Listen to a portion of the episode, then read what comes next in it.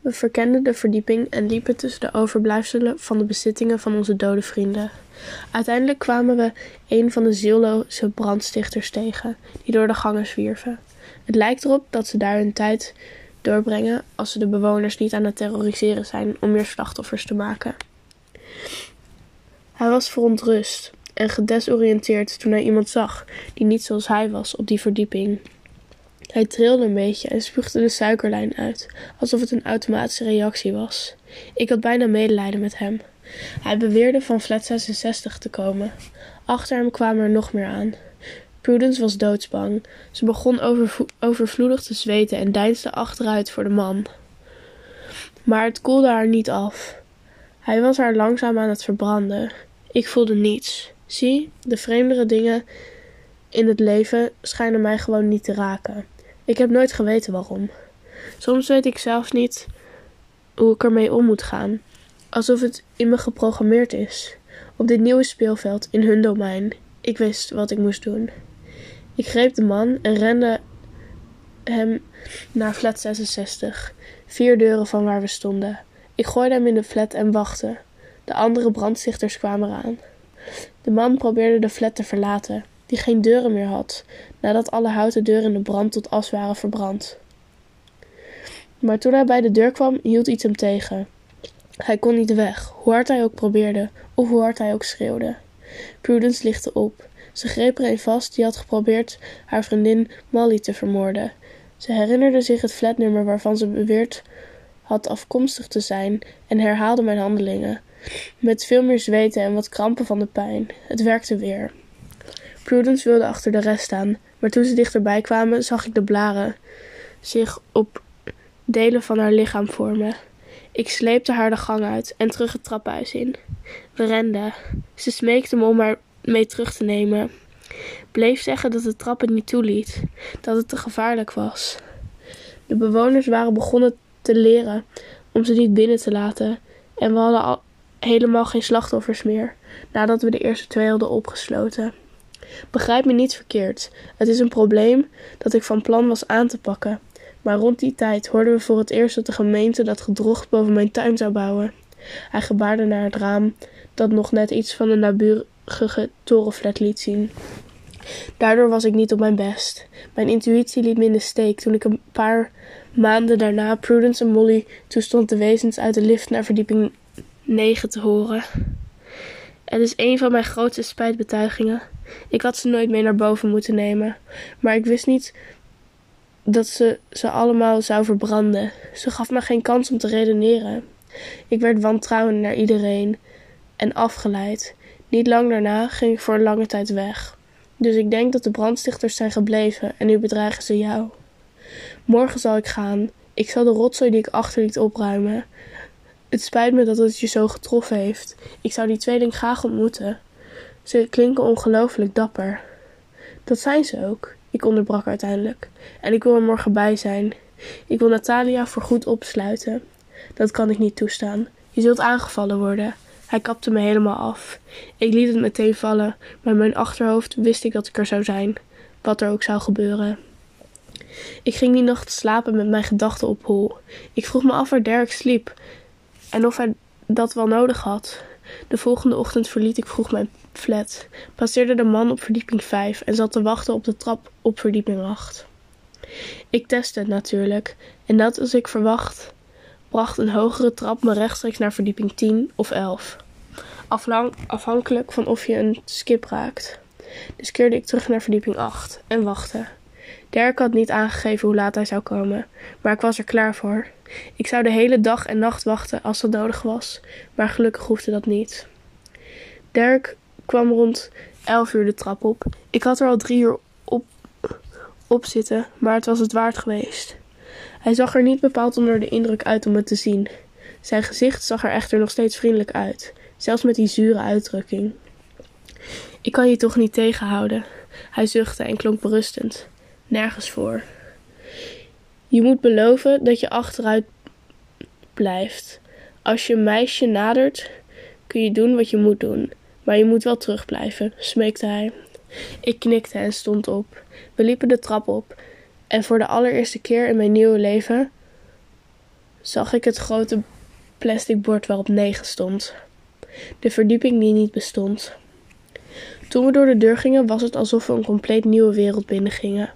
Alles was zwart, verbrand tot kool. Je kon niks anders ruiken dan houtskool. Er bleef letterlijk niets anders over dan lege omhulsels van huizen en schilfers van wat ooit sentimentele voorwerpen waren geweest. Het was verwoestend om mee te maken. Als je ooit een massagraf hebt bezocht, begrijp je deels hoe ik me voelde.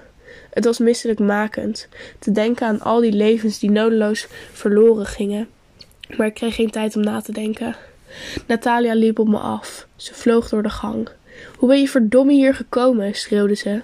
Haar ogen stonden wijd en boos. Ik begon me al heter te voelen. Dirk pakte mijn arm en trok me naast hem. Hij zorgde ervoor dat hij mijn arm stevig vasthield. Waar woon je? vroeg Dirk haar.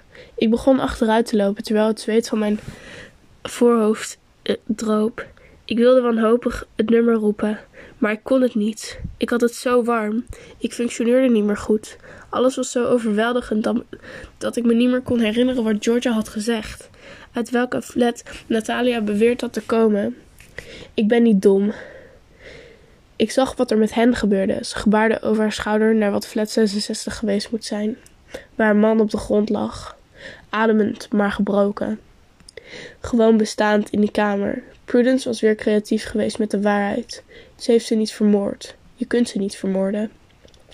Wat had Georgia gezegd? Ik pijnigde mijn hersenen terwijl ik de huid op mijn gezicht voelde prikken.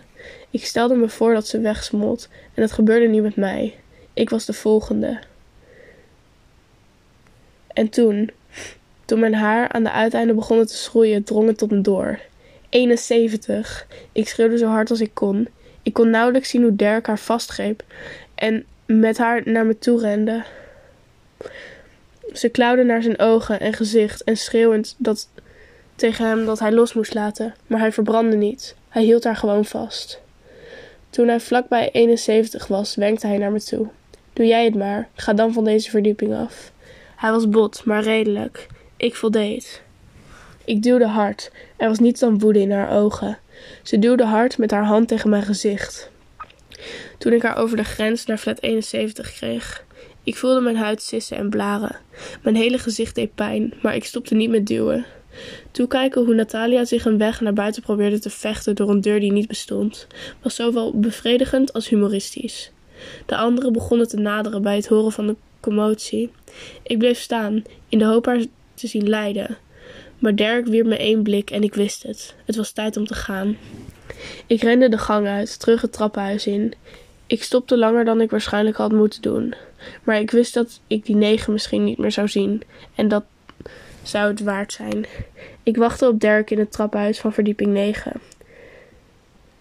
Ik kon het niet helpen me voor te stellen hoe de secteleden de eerste keer verbrandden. Ik hoorde boze kreten vanuit de gang. Ze maakten me ongerust over Dirk, maar ik wist dat hij eigenlijk dat het eigenlijk niet hoefde. Het duurde even, maar uiteindelijk verliet hij de gang en voegde zich bij mij in het trappenhuis. Hij zei niets, hij keek alleen maar naar mij. En de derde graad brandwonde op mijn gezicht. Hij hoefde niks te zeggen. Ik wist dat hij het probleem had opgelost. We liepen zwijgend de trap af naar mijn flat. Ik keek naar verdieping 9, wetend dat, dat dit het gebouw is dat voorgoed. Dat het gebouw het voorgoed zou afsluiten. Het duurde een paar verdiepingen voordat we verdieping 7 bereikten en ik nodigde Dirk uit voor een kopje thee. Hij wees het af en zei dat hij wat oude vrienden wilde gaan bezoeken. Ondanks mijn verwondingen kon ik niks anders dan glimlachen.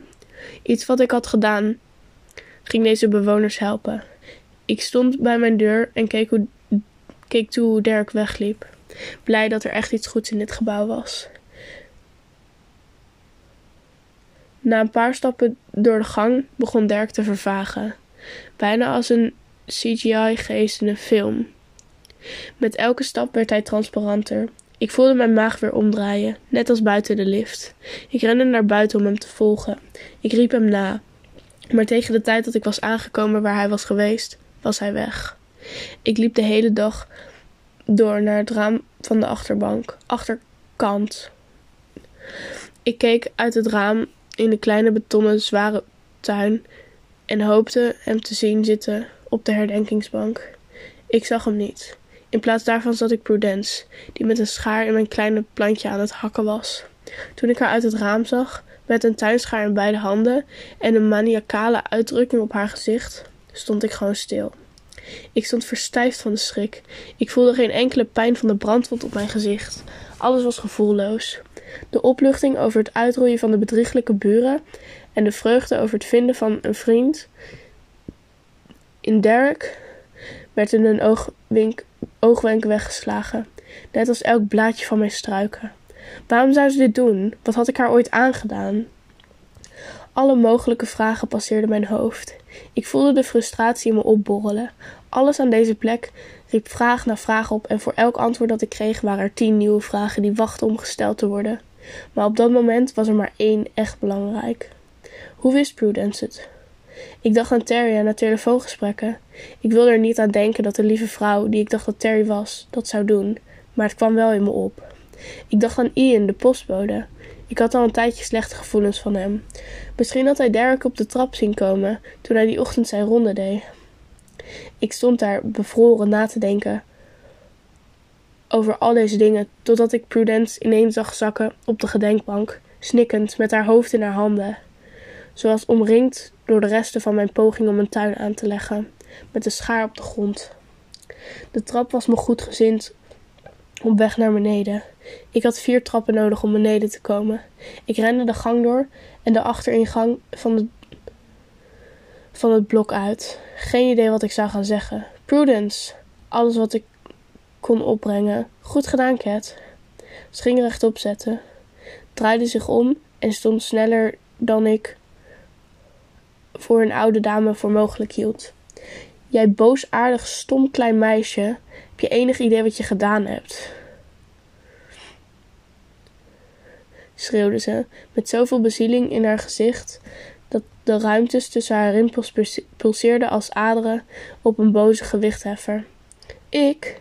Jij denkt dat ik slecht ben. Jij hebt dat klotenbriefje verstopt. Misschien. Jezus. Mist alles wat ik moet weten en heb mijn vriendje laten vermoorden. En wat je nu met je eigen, schreeuwde ik. Tranen begonnen te rollen voordat ze me onderbrak. Waag het niet om over haar te praten. Haar stem kraakte en ze stortte weer in.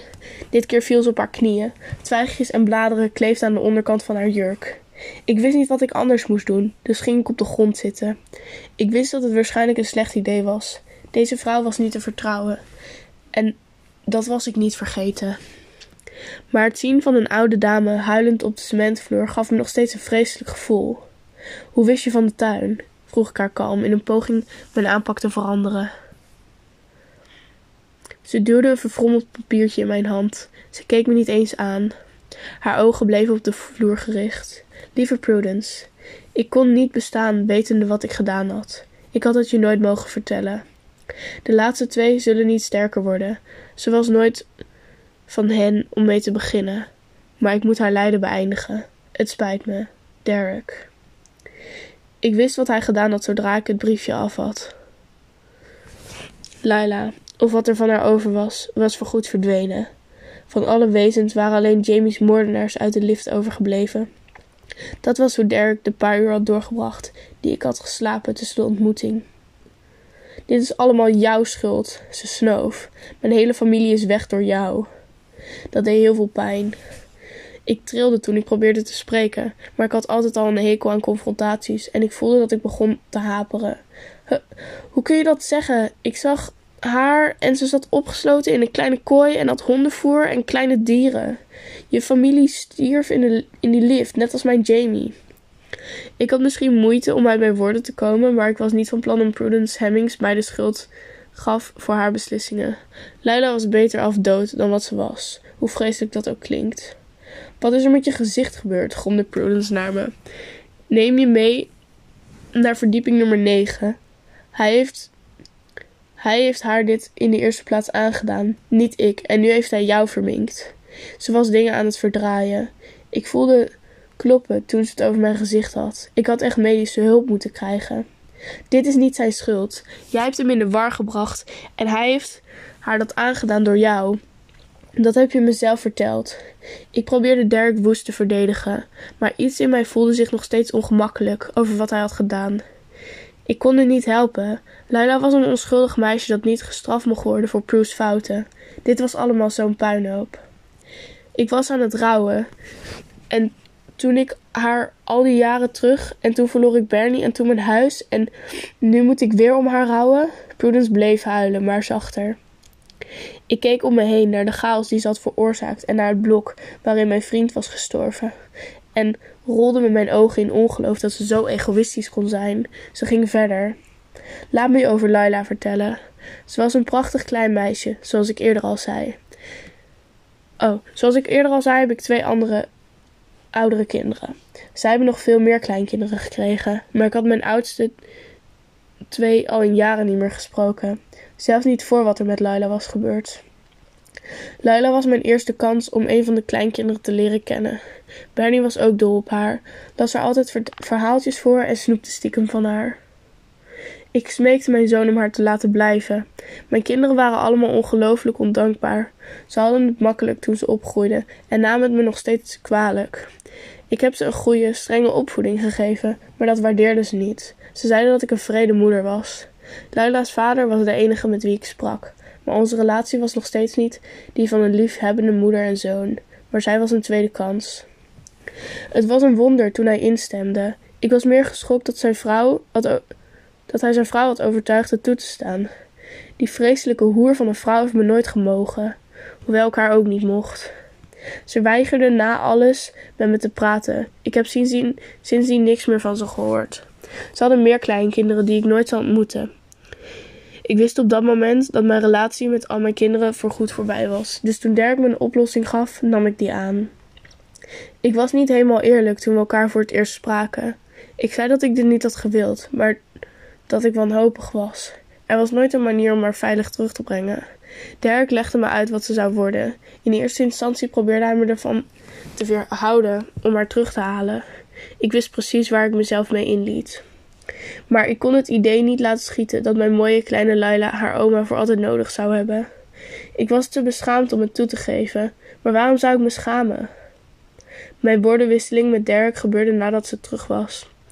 Toen hij haar de eerste keer probeerde te vermoorden. Wat voor monster wil een klein meisje vermoorden? Dat is waarom ik de tuin vernielde. Hij zei dat hij het nieuws van het nieuwe blok niet kon verwerken toen hij het voorstelde.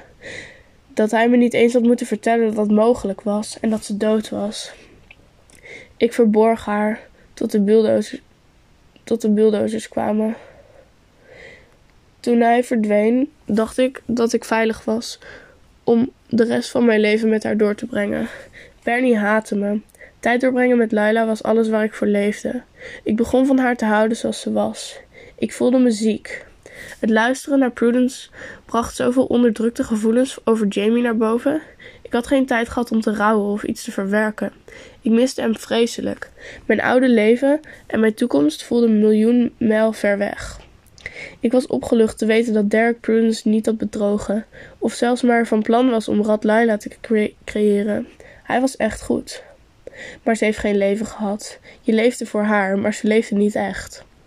Hoe kan een verstandig persoon dat zijn eigen vlees en bloed aandoen? antwoordde ik. Je hebt geen idee. Deze plek kan je irrationele dingen laten doen. Maar ze had een leven. Ze had mij. Dat was alles wat ze nodig had. Ze had zeker gelijk over het gebouw en irrationele acties. De pijn op mijn gezicht verhevigde in overeenstemming, maar ik was er nog steeds van overtuigd dat ze de weg kwijt was. Dr. Frankenstein-stijl, wat Rad Laila betrof. Ze was gestopt met huilen. Haar woede steeg weer. Ik probeerde haar te vertellen dat het niet echt het kind was dat ze had gekend, maar ze leek een nieuwe band te hebben gekregen met het wezen dat verving wat ze had verloren. Elk rationeel argument dat ik gaf werd beantwoord met steeds meer geschreeuw. Ze werd minder samenhangend naarmate ze verder ging. De discussie liep op niets uit. We gingen heen en weer voor wat wel eeuwig leek. Na een tijdje begon ze dichterbij me te komen. We waren nu allebei opgestaan en onders, ondanks haar uitgehongerde en frelle uiterlijk was Prudence echt aanstaanjagend. Ze zag er losgeslagen uit. Haar woorden kwamen niet meer binnen.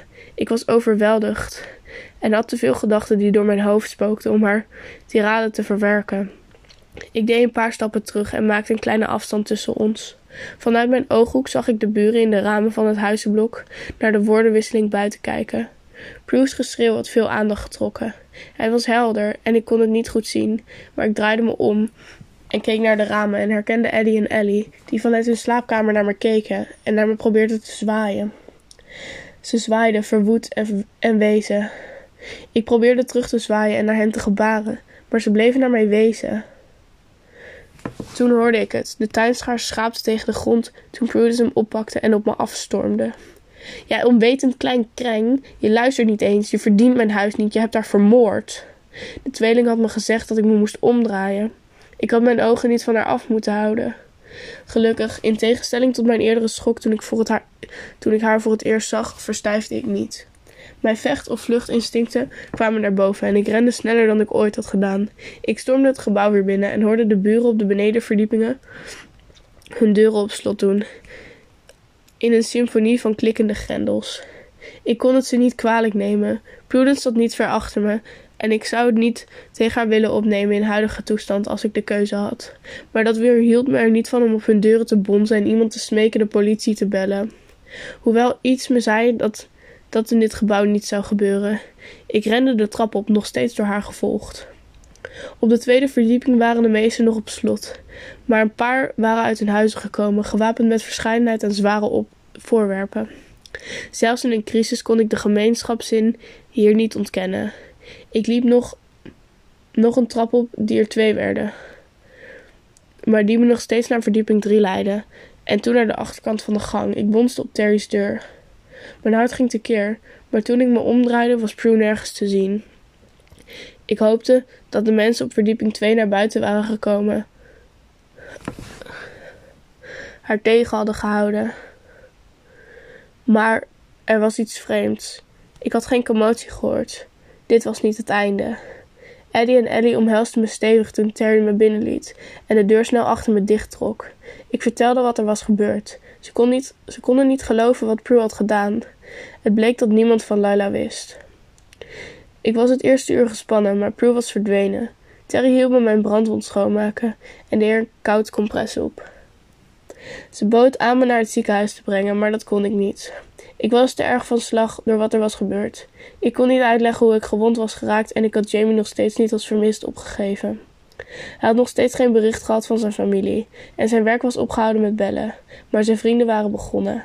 Ze vielen me non-stop lastig, maar ik was te afgeleid om een fatsoenlijke leugen te verzinnen. Het was een week geleden dat ik bij hem introk en het zou niet lang meer duren voor mensen zouden beseffen dat er iets ernstig mis mee was. Mijn gesprekken met mijn familie waren kort geweest, waarbij ik erop stond dat ze niet langskwamen tot we uitgepakt en geïnstalleerd waren. Bovenop een moorddadige oude vrouw en een onnoemelijke hoeveelheid abnormale problemen begonnen de echte wereldproblemen te achtervolgen. Ik heb uren bij Terry gezeten, gedronken en met haar gekletst. Het begon donker te worden en Eddie en Ellie kwamen de huiskamer binnen nadat ze een tijdje op een kamer hadden gespeeld. De leegtes vervingen de grote bruine puppyogen weer en hun klauwen zagen er bijzonder scherp uit. Maar voor mij waren ze nog steeds schattig. Hun transformatie zette me ertoe aan terug te gaan naar mijn flat. Het was al laat. Ik moest uitzoeken wat ik nu moest doen en hoe ik mezelf uit dit gigantische gat kon graven. Ik kon niet gewoon thuis. Ik kon niet gewoon tuinen blijven planten. Ik moest dit zelf doen. Ik liep de trappen op. Ze gingen een tijdje door, maar niets te gruwelijk. Ik passeerde de man op verdieping 5, knikte beleefd en vervolgde mijn weg naar boven. Ik vroeg me af of hij de brief van bezorgdheid al had ontvangen. Hij was een beetje verontrustend. Toen ik op mijn verdieping aankwam, maakte meneer Prentice weer dierlijke geluiden. Ik glimlachte, wat pijn deed aan mijn gezicht. Na alle waanzin begon ik schijnbaar goedaardige verschrikkingen van dit gebouw vreemd genoeg troostend te vinden.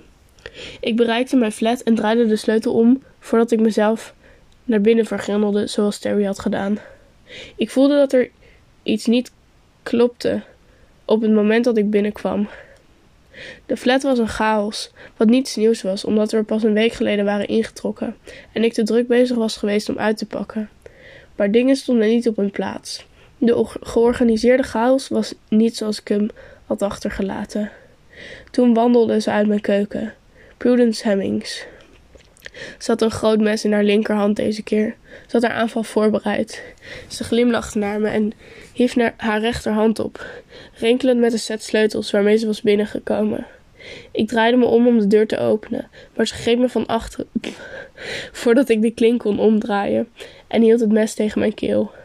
Ik vermoord je voor wat je gedaan hebt, fluisterde ze in mijn oor. Zonder na te denken leunde ik een beetje voorover en zwaarde mijn hoofd zo hard, naar, zo hard als ik kon naar achter. Ik kon niet geloven dat het werkte, maar ik moet haar neus gebroken hebben. Prudence drop trapte. Drop, top trapte op het mes en greep naar haar gezicht. Bloed stroomde tussen haar vingers. Ik wilde het mes pakken, maar zij was dichterbij en deed hetzelfde. Ik had geen andere optie dan weer weg te rennen. Ik greep de deurklink en draaide hem om de flat te verlaten terwijl ze me neer probeerde te steken. Ik was bijna de deur uit, maar arm was dichtbij genoeg om mijn zij te bereiken. En ik voelde het mes de zijkant van mijn torso doorboren. Ik had een brandende pijn, maar ik stopte niet met rennen. Toen ik buiten mijn flat stopte, kon ik nog steeds de geluiden van meneer Prentice horen die de hele gang overspoelde. Dat bracht me op een idee. Ik rende naar zijn deur, terwijl Prudence verwoest naar me stak en het bloed uit haar neus gutste. Een paar kregen me te pakken toen ik buiten flat 48 stopte. De pijn was vreselijk en ik voelde dat ik buiten bewustzijn raakte. Ik verloor veel bloed. Ik zou mijn laatste adem geven om Prue te doden. Dus op niets anders dan adrenaline klopte ik hard op flat 48 en riep: Meneer Prentice, kunt u mij helpen? Het was een schot in het duister. Ik wist niet wat er zou gebeuren, maar ik moest iets proberen. Ze was gestopt met naar me te steken. Ze genoot ervan toe te kijken hoe ik langzaam leegbloedde uit de wonden die ze had, al had toegebracht. Ik was ongelooflijk zwak en verloor niet lang daarna het bewustzijn. Maar voordat ik dat deed, hoorde ik zwaar gerammel uit de binnenkant van flat 48. Kettingsloten die werden losgemaakt en bouten die werden losgedraaid. Ik keek met wazig gezicht toe hoe een groot wezen, die ik alleen kon omschrijven als een kruising tussen een stier en een wolf, de flat uitkwam stormen en de oude heks doodtrapte. Ik hoorde botten kraken terwijl ik weggleed. Een dag later werd ik wakker in het ziekenhuis. Mijn ouders en de politie waren er. Blijkbaar was ik net buiten de torenflat gevonden met mijn handtas weg.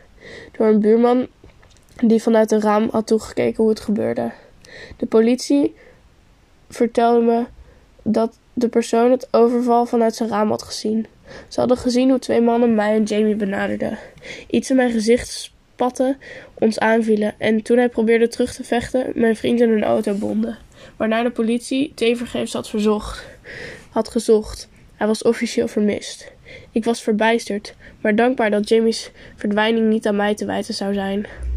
Ik ging erin mee en verzon dat hij het werk had laten schieten om te genieten van onze eerste week samenwonen. Ik was vier keer gestoken, maar gelukkig op alle juiste plaatsen. Als er zoiets bestond als de juiste, juiste plaats om gestoken te worden. Ik had veel bloed verloren, maar het zou goed komen. Ze waren allemaal oppervlakkig. Ze veronderstelden dat mijn brandwonden chemisch waren en ook tijdens de overval waren gebeurd. De politie belooft ons op de hoogte te houden, maar ze kunnen de auto nog steeds niet vinden. Dat zullen ze ook nooit vinden. Ik wou dat het verhaal dat de politie vertelde was waar, waar was. Het liet wat hoop voor Jamie. Mijn ouders wilden niet dat ik terugging naar de flat naar wat er was gebeurd. Ze zeiden dat de buurt te ruig was en dat ik het levende bewijs ben dat het niet veilig was. Ze boden aan om mijn spullen op te halen. Ik drong echter aan. Vertelde hen dat ik wilde zien hoe ik me voelde. En ze konden me niet dwingen het niet te doen. Ik werd uit het ziekenhuis ontslagen twee dagen nadat ik daar wakker was geworden. Toen ik bij de flats aankwam, was het vreemd. Het voelde als thuis. Ondanks alles was er iets aan deze plek dat me aantrok. Ik nam de lift voor de eerste keer sinds Jamie gestorven was. Ik moest wel. Ik was nog niet hersteld genoeg om al te veel trappen te bedwingen. Ik kon niet garanderen dat ze vriendelijk voor me zouden zijn. Ik glimlachte bij het ontbreken van een knop 9 en huiverde bij de gedachte aan de wezens. Toen ik bij mijn gang kwam, zag ik meneer Prentice lopen met zijn krant en melk in een tas. Hij draaide zich naar me toe en glimlachte. Ik wist niet zeker of je terug zou komen. Het is fijn om te zien dat je weer op de been bent. Hij praatte alsof ik hem niet letterlijk een vrouw had zien doodtrappen een paar dagen eerder. De hele ervaring was zo desoriënterend geweest dat ik me begon af te vragen of ik echt was overvallen en het briefje had gedroomd en alles wat er sindsdien was gebeurd. Toen zei hij iets dat bevestigde dat alles wa waar was. Ik heb die vrouw nooit gemogen, maar je hebt een echte vriendin in die dame beneden. Hij knipoogde naar me en draaide de sleutel van zijn deur om. Ik stapte in de mijne en ging op de tweedehands sofa zitten. Ik voelde me leeg, maar opgelucht. Nu Prue en de bedriegelijke buren weg zijn, zijn de wezens in de lift de enige bedreiging, die alleen tussen 11 over 1 en 33 over 3 nog een bedreiging vormen. Misschien kon ik hier vredig leven gaan leiden. Terry klopte op de deur. Mijn handtas, die ik bij haar had gelaten voor Prue mijn flat aanviel, aan haar arm. Meneer Prentice had gelijk. Ze was een goede vriendin. Ik bedankte haar voor wat ze had gedaan en voor wat ze de politie had verteld. Ze zei dat het puur geluk was dat ze me vond, dat ze de tas terugbracht en mij en Prue lang uit op de vloer vond. Ik vroeg wat er met Prue's lichaam was gebeurd en ze wees alleen in de richting van flat 48. Hij was het aan het opeten, zei ze. Na alles wat ik heb meegemaakt en ik ben gehecht geraakt aan sommige eigenaardigheden van het gebouw. Ik heb geprobeerd de tuin te herplanten met de hulp van de tweeling. Ik scheurde een paar hechtingen en Derek kwam niet. Ik denk dat hij voorgoed weg is. Ik ben klaar om het leven hier volledig te omarmen. De laatste dagen zijn zwaar geweest, maar het is tijd om adem te halen. Samen met de tijd om adem te halen kwam de tijd om te rouwen. En ik heb veel gerouwd om Jamie.